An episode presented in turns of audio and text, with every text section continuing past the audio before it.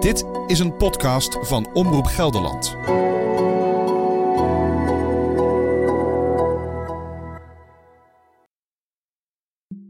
Eerder in De Dood van Robert. En toen kwam ik bij de morel waar Robert woonde. En toen zag ik aan de zijkant van het gebouw... dat er twee kleine raampjes van de zijmuur van Robert's kamer... die waren ingegooid. Die waren kapot, het glas lag eruit. Politie 112, we zijn al onderweg hoor. Ik heb al gezegd, we zijn ermee bezig. Maar we kunnen niet heksen. Ik ga nu de verbinding verbreken. Hij, hij wou nog leven, die jongen. Je denkt eigenlijk, het kan niet echt zijn. Dat kan toch niet? De begrafenis was goed geregeld. Dat hebben ze heel goed gedaan. Dat is ook het enige wat goed geregeld was voor hem. Er komt dus geen toelichting. We, we mogen geen vragen stellen. Dus ja, het is een soort escalatiepunt waar het dan uiteindelijk misgaat. En dan is het, vind ik het altijd wel heel makkelijk om te zeggen, nou dat is de schuldige. Dan kom ik helemaal terug op uw vraag, waar ben je nou het meest bang voor? Dat is dat. Is dat iedereen zegt, ja, dit, ja wat erg en oh wat naar. En dit had anders gemoeten. Hij verdient de waarheid. De familie verdient de waarheid.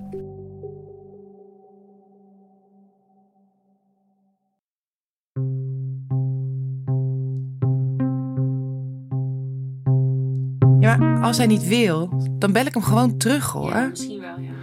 Ik vind gewoon, hier gaat zoveel belastinggeld naartoe. Weet je, er zitten zoveel kwetsbare mensen. Ja, daar zouden we toch gewoon vragen over mogen stellen. Daarvoor zijn we toch journalist? Dit is toch wat wij moeten doen? Vragen stellen? Het is december 2020 en het rapport van de zorgverleners en de gemeente Wageningen is af. Al die tijd hebben wij gehoord, wij reageren niet tot het rapport af is. Nu is het klaar. En Ellen en ik staan te trappelen met onze vragenlijst. Maar een inhoudelijke reactie op onze vragen komt maar niet. Elf maanden geleden. We hebben elf maanden gewacht. En nu is het rapport er. En nu zeg ik, we hebben vragen. Mogen we die nu eindelijk stellen? Zegt hij, ja, nee, volgens mij zit er alles in het persbericht. Dat gaan we gewoon niet mee akkoord. Dat is gewoon niet oké. Je luistert naar De Dood van Robert. Een podcast van Jenda Terpstra en van mij, Ellen Kamphorst. Dit is aflevering 4, De Zorg. Richard Korver, de advocaat van de familie, zei het eerder al. Misschien hopen de instellingen dat het overwaait. Zou hij gelijk hebben? Wat was de rol van de zorg? En wie heeft er schuld? Het is bijna een jaar geleden dat Robert overleed en de familie en wij weten nog steeds niet hoe hij is gestorven. Justitie heeft het onderzoek naar de dood van Robert nog niet afgerond. Ook de Rijksrecherche doet nog onderzoek naar het handelen van de agenten die op de melding afkwamen. Wat we tot nu toe weten. 1. Robert was die avond verward. 2. Twee begeleiders raakten gewond. 3. De politie kwam pas na een half uur en vijf telefoontjes. Ze geven toe dat het die avond helemaal misgaat in de meldkamer. 4. Robert leefde nog toen de politie kwam. Meer dan dit weten we niet. We hebben wel een aanwijzing. De familie vermoedt dat er een worsteling heeft plaatsgevonden tussen Robert en de begeleiders. Dat zou de steekwonden verklaren die de zorgbegeleiders hadden. Het wachten is op het onderzoek naar de zorg. Dat werd uitgevoerd in opdracht van gemeente Wageningen, crisisdienst Pro Persona en de RIBW waar Robert woonde. Er is met Roberts ouders gesproken, met de zorgmedewerkers en met andere betrokkenen. De onderzoekers kijken vooral naar hoe de zorg voor Robert was voorafgaand aan zijn dood.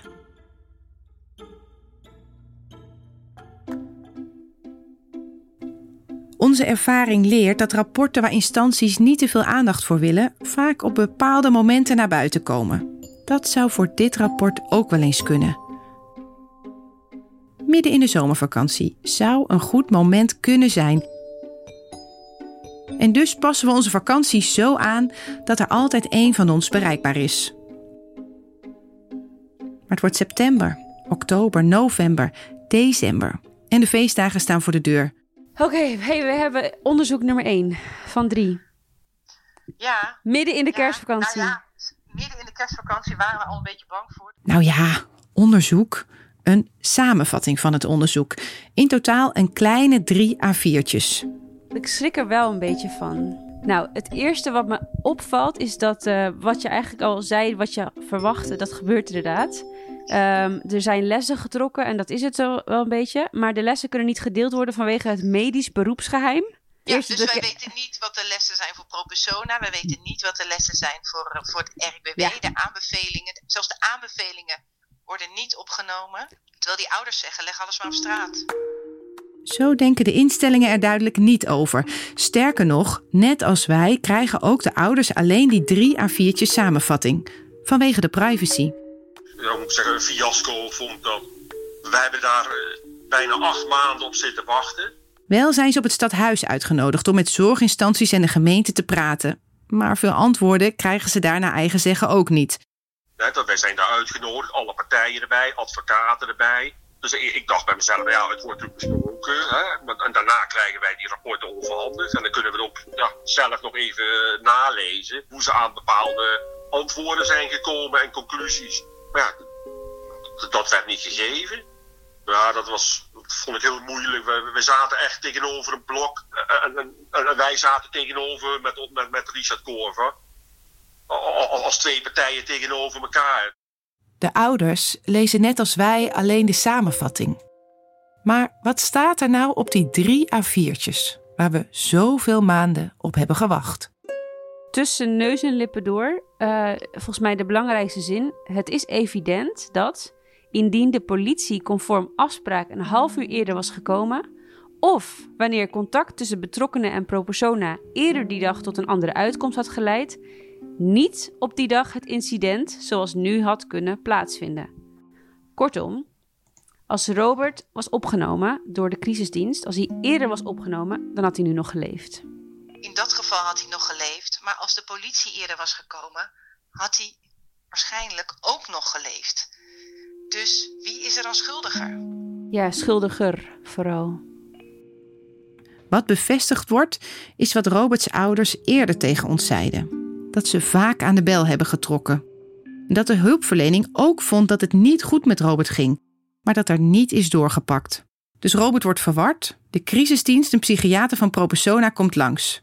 Toen besloot ze om praktische redenen, nou, we nemen hem vandaag niet op. En verder gaat deze, dit rapport niet. Is er opgeschaald? Is er een extra medewerker gekomen? Is er hulp gekomen? Eh, wisten de, de medewerkers wat ze moesten doen? Die zijn ook aan hun lot overgelaten, hè? Dit zijn vragen die we aan de instelling voorleggen. Op een aantal van die vragen krijgen we antwoord. Ten eerste, de zorgmedewerkers zijn getraind op het omgaan met agressie en het voorkomen daarvan. Jaarlijks krijgen ze een training in grensoverschrijdend gedrag. Over dat opschalen. De zorgmedewerkers kregen die avond pas laat hulp van de politie. Maar volgens de afspraken met de politie moet een instelling zelf eerst meer mensen inzetten als een crisis dreigt. Bij de instelling vragen we of dit is gebeurd. Nee, is het antwoord.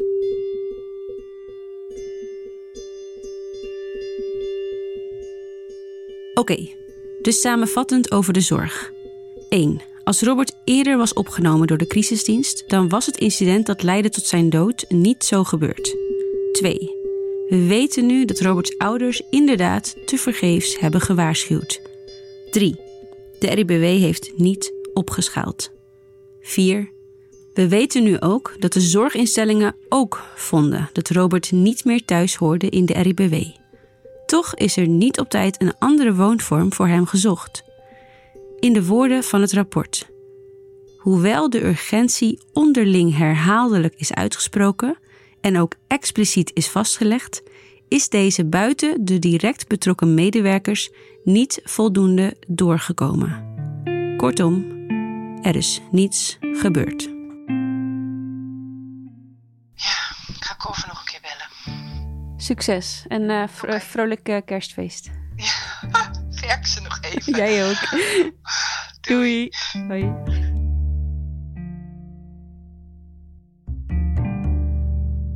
Heeft u het volledige rapport gekregen? Nee, dat weigert men eh, te verstrekken.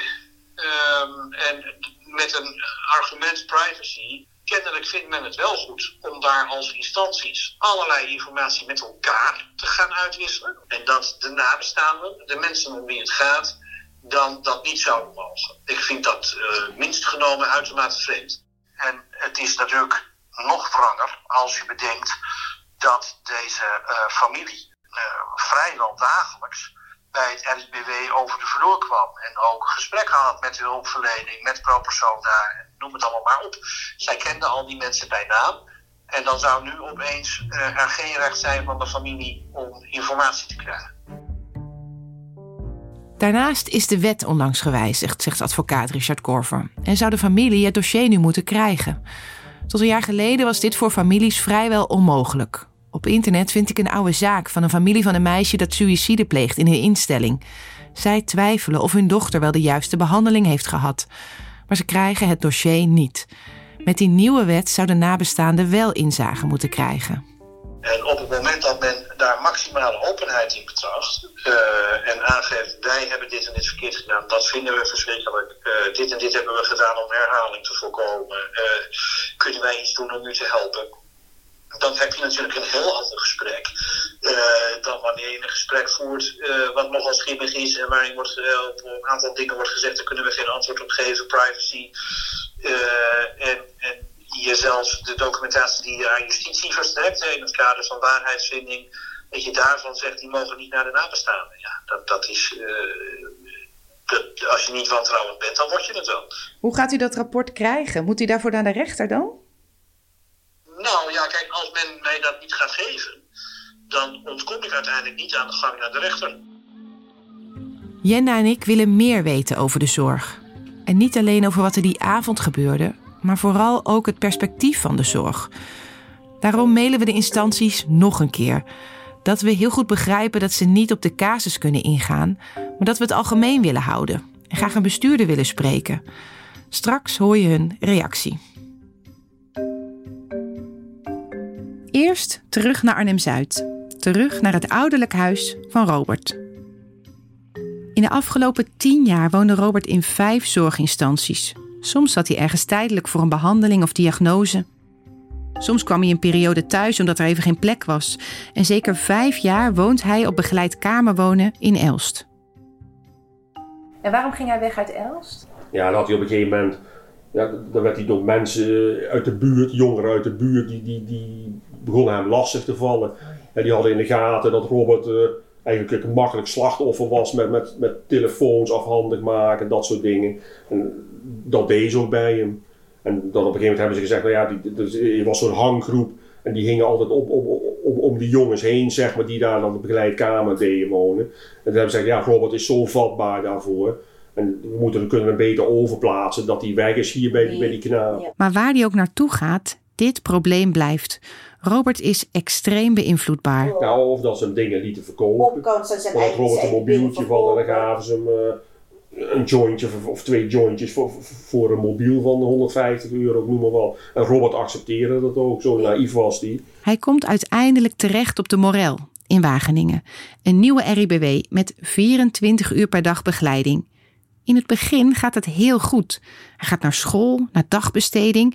Dat komt volgens zijn ouders vooral omdat hij een hele fijne begeleider heeft. Dan ging hij altijd trouw naar de dagbesteding, want die bracht hem. En die, die wist eigenlijk precies hoe Robert, en als hij de schop onder de kont nodig had, en dan gaf ze hem die ook. Die wist precies hoe ze met Robert om moet gaan, op een hele goede manier. En dat was dan heel zonde als dan zo iemand, die kwam toen, die werd langdurig ziek, die viel uit toen. Dan, dan zie je het ook gewoon minder gaan. Hè. Dan is er een tijdelijke begeleider even en dan die gaat weer vakantie en dan is er nog geen vaste. En dan verdwijnt de structuur ook bij Robert, dat zag je gewoon. Dat maakte echt enorm verschil. Ja, ja. Het, het, het, hangt, het, het valt en staat eigenlijk helemaal bij de begeleider. Roberts ouders zijn ervan overtuigd dat het RIBW strenger had moeten zijn. Strenger over het uit bed komen, over spullen verkopen. De verhouding met de begeleiding is ingewikkeld. Vooral op de momenten dat Richard en Cecilia ontevreden zijn over de zorg. Ja, je had hun nodig gewoon. Je kon niet zonder hun. Robert kon ook niet thuis wonen. Dus je had hun gewoon nodig. En als, je, als we Robert daar weg hadden gehaald, dan zat Robert thuis en probeerde dan maar eens weer ergens tussen te komen. Er zijn overal wachtlijsten. Goed. Deze kant van het verhaal is nu duidelijk. Maar hoe heeft de zorg dit ervaren? Zij mogen niet met ons over casussen praten, weten we nu. Is het dan wel eerlijk om het hierover te hebben? We hebben alleen nog steeds geen reactie van de RIBW en ProPersona. Terwijl we wachten, gaat Ellen langs bij Joke van der Meulen. Zij weet net als de ouders van Robert hoe het is om een volwassen kind in de GGZ te hebben. Maar zij kent ook de andere kant van het verhaal, die van de zorg. Nummer 10, 18, ah daar, 12. Hoi, ik ben Ellen. Hi, ik ben Gelijk bij binnenkomst krijgt Ellen een goede les. Het zijn geen verwarde mensen. Het zijn mensen met verward gedrag. En dat is een hele. Dat klinkt als een uh, lullige omdraaiing, maar voor mij is het een uh, wereld van verschil. Want Joke's 31-jarige zoon Kees is soms psychotisch. Joke weet net als Roberts ouders hoe intens het soms kan zijn om je zoon of dochter in de GGZ te hebben. Ze wil graag dat professionals zich daar meer bewust van worden. Een tijd geleden maakte ze zich grote zorgen om Kees. Ik had aan de bel getrokken, ik had gebeld. Jongens, maar er moet nu echt wel iets gebeuren. Want, uh, nou, hij was zijn beschermd wonen, was hij de deur al uitgewezen, want hij was te agressief en nou, van alles. Uh, en als ik er zei, er moest wat gebeuren. Ja, nee, maar we, we kunnen eigenlijk niks doen. Er moet, uh, er moet echt eerst een incident plaatsvinden. En dat, dat heb ik zelf altijd als vrij onverteerbaar gevonden. Uh, zeker omdat op het moment dat zo'n incident dan ook daadwerkelijk plaatsvindt, een geweldsincident in zijn geval, uh, dan ook dan is er niet meteen zorg. Want het eerste wat er gebeurt is dat je naar het politiebureau gaat, dat je naar het huis van bewaring gaat. Dus er is eerst straf. Terwijl ik denk, maar we zagen dit immers aankomen. Hoe ga je veel eerder samenwerken om met z'n allen iemand de juiste ondersteuning te bieden? Om de crisis te voorkomen. Joke werkt nu als ervaringsdeskundige. Ze wil graag een brug slaan tussen ouders en GGZ-instellingen. Joke kent de GGZ inmiddels uit haar rol als moeder van Kees, maar ook vanuit haar werk. En dan ziet de wereld er opeens heel anders uit. Voor mijzelf geldt dat als het echt heel slecht gaat met mijn zoon, hè, want ontkom je er niet aan of je stress loopt op. Als ik heel erg gestrest ben op dit onderwerp, ben ik helemaal niet zo aardig sinds ik ben gaan doen wat ik nu doe, dus met vanuit mijn eigen bedrijf werken, heb ik zoveel hulpverleners gesproken dat ik dacht: oh, je bent eigenlijk heel aardig en leuke mensen. En op een gegeven moment dacht ik: dat is ook raar. Waarom denk ik dat nou? Uh, en toen kwam ik erachter dat als ik neutraal met hulpverleners praat, dus als het niet over mijn zoon gaat, dat het veel makkelijker is. De professional is de professional. Die zou zich dat nog meer bewust moeten zijn dat het zo werkt. Dat je uit die machtsstrijd moet blijven en helemaal niet je gewoon oprecht belangstellend vraagt. En als iemand zegt, ja, maar jullie moeten mij zo'n zus en zo behandelen, dat je even gewoon doorvraagt van, goh, uh, begrijp ik goed, raakt u nu een beetje in paniek? Of dat je er ook gewoon even over mag hebben. Joke leerde via belangengroepen andere ouders kennen. En dat helpt. Maar ook wel het lidmaatschap van een familievereniging, uh, waardoor je anderen treft in dezelfde situatie. Voor Roberts ouders is het heel duidelijk. Hun zoon is gestorven op een plek waar hij veilig had moeten zijn. Iemand heeft hier schuld aan.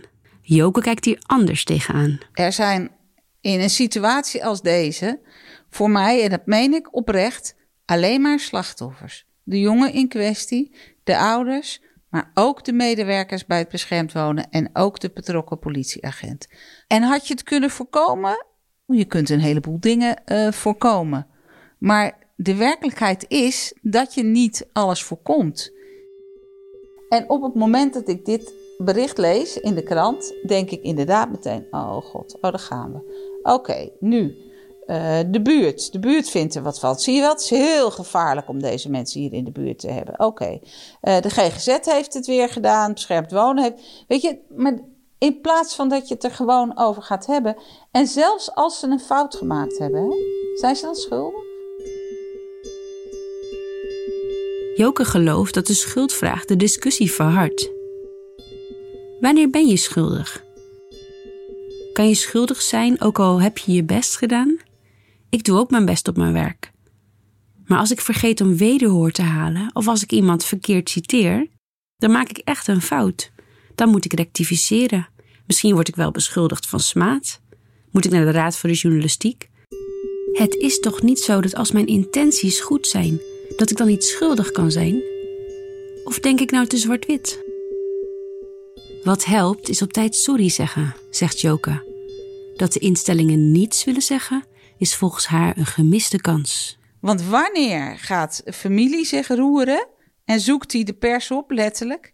Juist vaak op het moment dat de instellingen zeggen: wij willen niet praten. Terwijl als je daar meteen het gesprek met elkaar hebt, misschien hadden de ouders dan met jou deze podcast helemaal niet willen maken.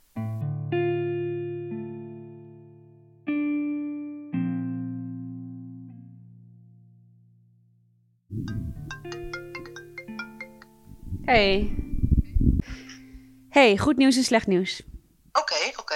We hebben uh, reactie van ProPersonen en RIBW. Oh, echt? Ja, eindelijk uitsluitsel. Maar ehm, eh, eh, het is wat wij al vreesden. Ze willen niet meedoen? Nee, ze willen niet. Vanuit respect voor de privacy van alle betrokkenen en het medisch beroepsgeheim. Oké. Ja. Ja, Ja, Ze hebben alles uit de kast getrokken, maar ze willen niet. Nou ja, jammer. Ja. Echt jammer. Ik vind het wel echt een gemiste kans, als ik heel eerlijk ben hoor. Maar nee. Ja.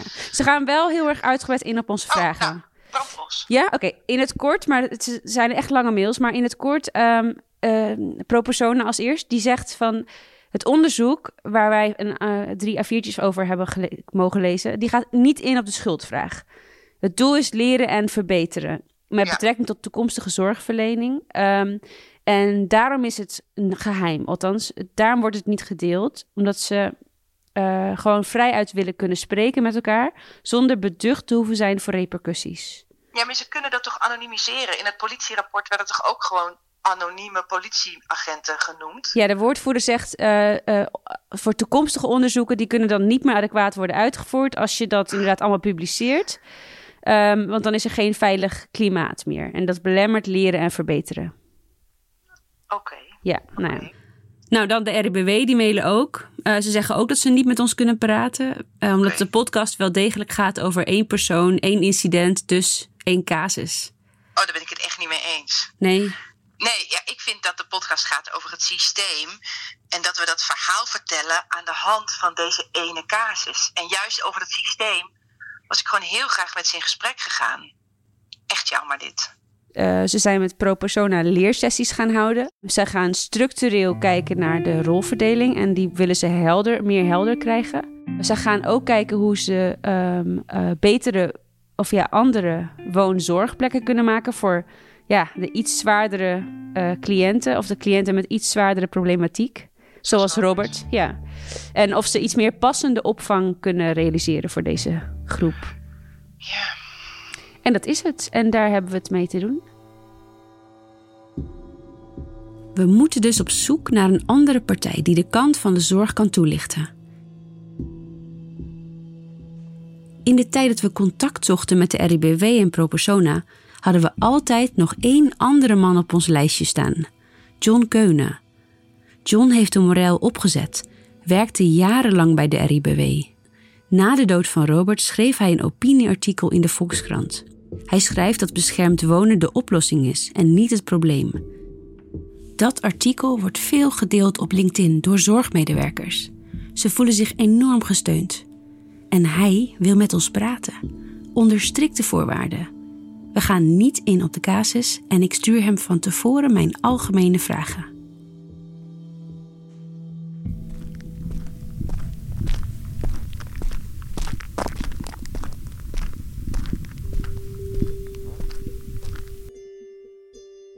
Het is 's avonds laat. Ik sta helemaal alleen op een heuvel. Ik zie een donker dal met in de verte wat huizen met lichtjes. Het lijkt wel alsof ik in het buitenland ben. Donkere lucht, fonkelende sterretjes. Oh, even bijkomen. Het is de eerste lenteavond van 2021. En ik kom net terug van John Keunen. Het was een bijzonder gesprek. Bijzonder dat hij wel met ons in gesprek wil, na al die keren nee vanuit de zorg. En voor mij is het ook bijzonder om weer eens 's avonds op straat te zijn, tijdens de avondklok. Ik heb een werkgeversverklaring in mijn zak en ik voel me echt een vrijbuiter. Alsof ik iets illegaals doe. Ik sta op die heuvel te genieten van de sterren en de stilte, terwijl iedereen binnen zit. En opeens besef ik hoe lang het geleden is dat corona begon. En hoe lang Ellen en ik hier al mee bezig zijn. Ik ga er even bellen. ben je nog wakker? Ja. Hoi. Ja, hi. Ellen, ik ben op zo'n mooie plek. Bergendal. Ja. Ja. Dat is prachtig. Ja. Het is echt een van de mooiste plekken van Gelderland, vind ik. Hoe was het? Hij zei, hij bevestigde dat, eh, dat Robert echt een lieve jongen was. Oh ja? Hij zei echt dat echt, hij zei goed jong. Het was een goed gesprek. Ik heb veel om over na te denken. Aan de keukentafel van zijn omgebouwde boerderij vertelde John me over het moment dat hij hoorde van de dood van Robert. Hij was toen net een jaar weg bij de RIBW. Ja, klopt, klopt. Ik zat s ochtends in eh, overleg en een, eh, een, een collega van mij die maakte mij erop attent. Die zei van, goh, er is iets in, in Wageningen gebeurd. Ja, en toen was ik de rest van de dag ja, was ik gewoon helemaal van slag. Ik kon me niet meer concentreren. Ik hoorde ook niet meer wat er gezegd werd. Ik was echt helemaal ontdaan. Eh, ik heb natuurlijk twintig jaar lang bij de RIBW gewerkt. En ja, zoiets, dat was nog nooit gebeurd. Als regiomanager kende John de bewoners en het personeel. Ik kende, ik kende alle eh, cliënten, dus ik kende Robert ook. Aan de ene kant ben ik natuurlijk eh, professional, maar je bent wel betrokken bij mensen die kwetsbaar zijn en die je uiteindelijk ook wel weer op de rit wil helpen om hem zo gewoon normaal mogelijk eh, leven te kunnen leiden. Hè? Dus, en dat gaat verder dan alleen professionaliteit. Want voor mensen die niet weten wat beschermd wonen is, dat zijn inderdaad mensen met psychiatrische problemen of psychosociale problemen, die het tijdelijk of eh, langere tijd niet redden in hun eentje. hè? Ja, en die met ondersteuning eh, veilig eh, kunnen wonen binnen beschermd wonen. En uiteindelijk ook weer ondersteund en begeleid worden om weer de stap naar zelfstandigheid te maken. Ja, en dat gaat in, in verreweg de meeste gevallen gaat dat ook gewoon goed. En dan gaat het een keer mis en dan zijn wij er, Ja. de media, als de kippen bij om daar iets van te vinden. Klopt. Hoe, hoe kijkt u daarnaar? Ik zie nog wel eens dat, dat media dit soort incidenten eh, eenzijdig belichten. En dat kan het beeld eh, versterken, maar dat versterkt ook, vind ik, de polarisatie in de samenleving. Eh, terwijl ik denk van, het is ook belangrijk om op zoek te gaan naar de, wat, wat verbindt ons in plaats van de polarisatie. Tuurlijk sn- snap ik dat media ook aan waarheidsvinding moet doen. Wacht eens even. Worden wij weer beticht van polarisatie? Terwijl we al elf maanden ons best doen om juist die andere kant te spreken. Of kan ik nu zelf niet tegen kritiek? Moet ik ook in de spiegel kijken naar hoe wij op zoek zijn naar een dader, terwijl dat misschien helemaal niet terecht is? In een latere aflevering komen we hierop terug. Wat is voor u de reden om toch met mij in gesprek te gaan? Nou, mijn reden is dat ik eh, het vooral belangrijk vind om het beeld van beschermd wonen, om dat in ieder geval goed voor het voetlicht eh, te brengen. En ook wel om het eh, op te nemen, ook voor begeleiders, dat echt die onvoorwaardelijke ondersteuning eh, en naar bewoners, cliënten, dat, dat die er gewoon is. Nou is ook de rol van de politie omstreden. Was het in uw tijd? Ja, hoe was het in uw tijd? Ik kon de politie dag en nacht bellen en, en ze stonden altijd klaar. Maar wat is er dan volgens hem aan de hand? Eh, zowel de, de politie als de crisisdienst, ja, die worden natuurlijk steeds overbelast. Ja, die rijden ook van hot naar haar en moet, moeten soms echt onmogelijke keuzes maken. Maar als Roberts dood een leermoment wordt, wat moeten we dan leren? Dat de samenleving niet maakbaar is. En ik denk dat je ook als het gaat over eh, bijvoorbeeld verwarde mensen op straat, dat je daar ook in een maatschappelijke verantwoordelijkheid hebt, plicht hebt, om, eh, om mensen dan ook soms eh, gewoon op te nemen. En natuurlijk is dat gebonden aan allerlei wet en regelgeving. Alleen je hebt ook nog zoiets als gezond verstand, intuïtie en je ervaring. Nou, wat we ook kunnen leren is dat, dat samenwerking. In die tijd dat ik in Wageningen werkte, heb ik gemerkt dat dat heel belangrijk is. Beter samenwerken. Dat is ook de conclusie die de instanties trekken. Als ik zo met John praat, word ik ook weer wat milder richting de instanties. En bedenk ik me hoe heftig het moet zijn als je zo'n incident meemaakt op je werk. Nou Ja, ik, ik denk dat, dat tot slot dat we van deze casus eh, kunnen leren hoeveel impact eh, dit incident eh, heeft gehad op het persoonlijke leven van mensen. En natuurlijk in eerste plaats op het persoonlijke leven van, van ouders en, en de broer na dit afschuwelijke incident. Maar ook op het persoonlijk beleven, leven van begeleiders, politie, behandelaren en andere betrokkenen. Heeft dit geweldig veel impact. Weliswaar is het, is het je beroep, maar ik denk dat we allemaal die pijn eh, eh, voelen en, en nu nog steeds. En, en dat is ook voor iedereen een persoonlijk eh, rouwproces. We hebben hier een medemens, maar ook een stuk van onszelf verloren. En zie dat maar eens terug te vinden. Wat nu nog rest, zijn de feiten. Die onderzoekt justitie namens ons allemaal. Maar hoe gaan wij nu verder? Deze podcast is geen Netflix-serie. En dus moeten we, net als de familie, wachten. Wachten op de laatste twee onderzoeken. Het onderzoek van de politie naar de doodsoorzaak en het onderzoek van de Rijksrecherche naar het handelen van de politie. En die onderzoeken moeten uitwijzen hoe dit verder gaat. Zal er een strafzaak komen? Of misschien vindt de openbaar aanklager dat niemand iets strafbaars heeft gedaan. We hopen de volgende keer een reconstructie te kunnen maken. Hoe stierf Robert? Zorg dat je geabonneerd bent. Dan verschijnt die aflevering vanzelf in je podcast-app.